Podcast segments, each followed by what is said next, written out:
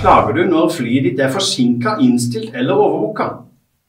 Hei, jeg er Gjerdknakken Rune fra gjerdknatt.com, og i dag skal jeg komme litt praktisk informasjon til deg som eh, kanskje opplever forsinkelser, innstillinger eller overbooking med fly denne sommeren.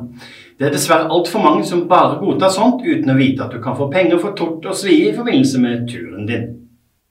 La meg illustrere det hele med en sann historie som skjedde for en tid tilbake for en i min familie.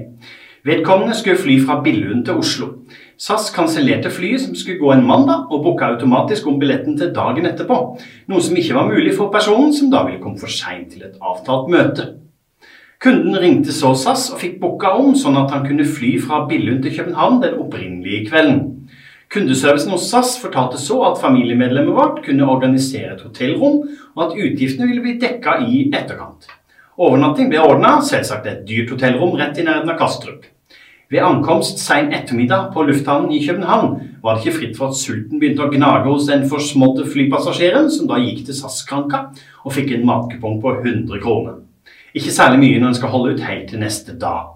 En ny telefon til SAS-kundeservicen ga selvsagt klarhet i at andre matkostnader skulle refunderes ved fremvisning av kvitteringer, i likhet med hotellovernattinga. I etterkant av reisa stilte familiemedlemmet vårt krav om refusjon av utgiften til hotell og mat, og i tillegg 250 euro fordi den opprinnelige flyavgangen ble innstilt. Hele reisa endte altså opp i pluss, dog med nok av styr som man selvsagt helst vil være foruten. Dette er jo dog ingen dramatisk historie, den kunne ha skjedd enhver av oss. Spørsmålet er bare hva du ville ha gjort for å kunne få dekka utgiftene, eller om du hadde gjort det i det hele tatt. Nå i sommer er det ekstra mange som skal ut og fly. Da er det ikke fritt for at man kan oppleve at flyet du skal ta, ikke går når det skal, eller at det til og med skjer overbookinger eller kanselleringer. Du har sikkert lest artikler eller hørt om at man kan ha krav på mat og drikke, penger og hotellopphold hvis noe uforutsett skjer. Men mange kvier seg for å klage. De vil ikke virke som noen surpumper og grinebitere, eller så tror de det er snakk om småbeløp man kan få tilbake. Flyselskapene er heller ikke særlig ivrige på å fortelle hvilke rettigheter man har.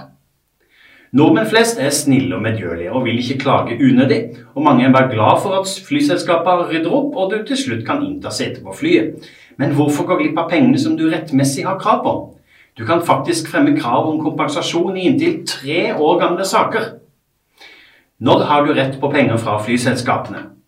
Rettighetene dine slår inn når forsinkelsen er mer enn to timer for flyreiser på 1500 km eller mindre mer enn tre timer innen EU, EU og EØS-området for flyreiser over 1500 km, mer enn tre timer utenfor EU- og EØS-området på under 3500 km, og mer enn fire timer på alle flyreiser over 3500 km. Dette har du krav på ved forsinkelse. Uansett årsaken til forsinkelsen har du rett til følgende når ett av vilkårene jeg nevnte er oppfylt. Skriftlig beskjed fra flyselskapet om rettighetene, mat og drikke, to gratis telefonsamtaler, Gratis hotellovernatting hvis ny avreise er dagen etter. Gratis transport mellom flyplassen og overnattingsstedet. Hva skjer ved overbooking eller kansellering? Når flyavganger innstilles eller selskapet har tatt en spansk en og overbooka, snakker vi kjapt om økonomisk kompensasjon og klingende mynt. 250 euro for flyvninger inntil 1500 km, 400 euro for flyvninger på mellom 1500 og 3500 km, og 600 euro for øvrige flyvninger. Men hvorfor klager ikke nordmenn å få penger for flybryderiet? Grunnen er enkel nok. Regelverket er komplisert, folk har ikke peiling på sine rettigheter, og en del selskap er flinke til å avvise krav med en masse byråkratisk vås. Hvordan skal du så gå frem for å klage? Enten kan du ordne alt sjøl, det er egentlig ikke så vanskelig. Da er det kjekt å starte på Forbrukerrådets informasjonsside om forsinkelse, overbooking, innstillinger og omruting. Ikke minst bør du prøve Forbrukerrådets flykalkulator, som gir deg en god oversikt. Du har kanskje hørt om Transportklagenemnda? Dersom du ikke når frem overfor flyselskapet, bør du vurdere å klage inn saken din for den nemnda. Nå er det jo altså sånn at mange nordmenn ikke orker å klage sjøl. Fortvil ikke, for det fins altså flere selskaper som gjør jobben for deg. De tar selvsagt en bit av erstatningen, men det er jo bedre enn ingenting, som ville vært resultatet hvis du ikke hadde gjort en døyt sjøl. Flyselskapene misliker her selskapene sterkt, og grunnen er enkel i mine øyne. De tjener kun penger dersom erstatning utbetales, og er derfor pågående og kravstore på vegne av deg som forbruker. Og det er jo bra. Det blir for dumt når flyselskapene argumenterer med at du bør jo få hele erstatningen, når faktum er at altfor få klager. Gjett hvem som sitter igjen med pengene da?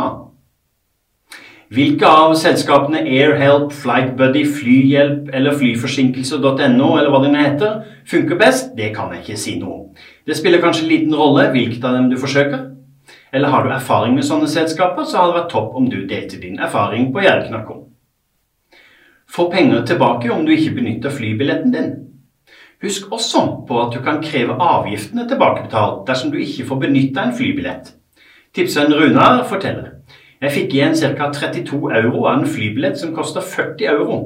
Jeg kontakta flyselskapet via deres kontaktside, og etter ca. fem dager var pengene på konto. Dette gjelder altså skatt avgift på ubenytta flybilletter. Takk for meg. Dersom du likte dette innlegget, håper du har lyst til å ta en titt på nettsida mi jerknett.com, og ellers følg meg på sosiale medier som YouTube, Facebook, Snapchat og Instagram.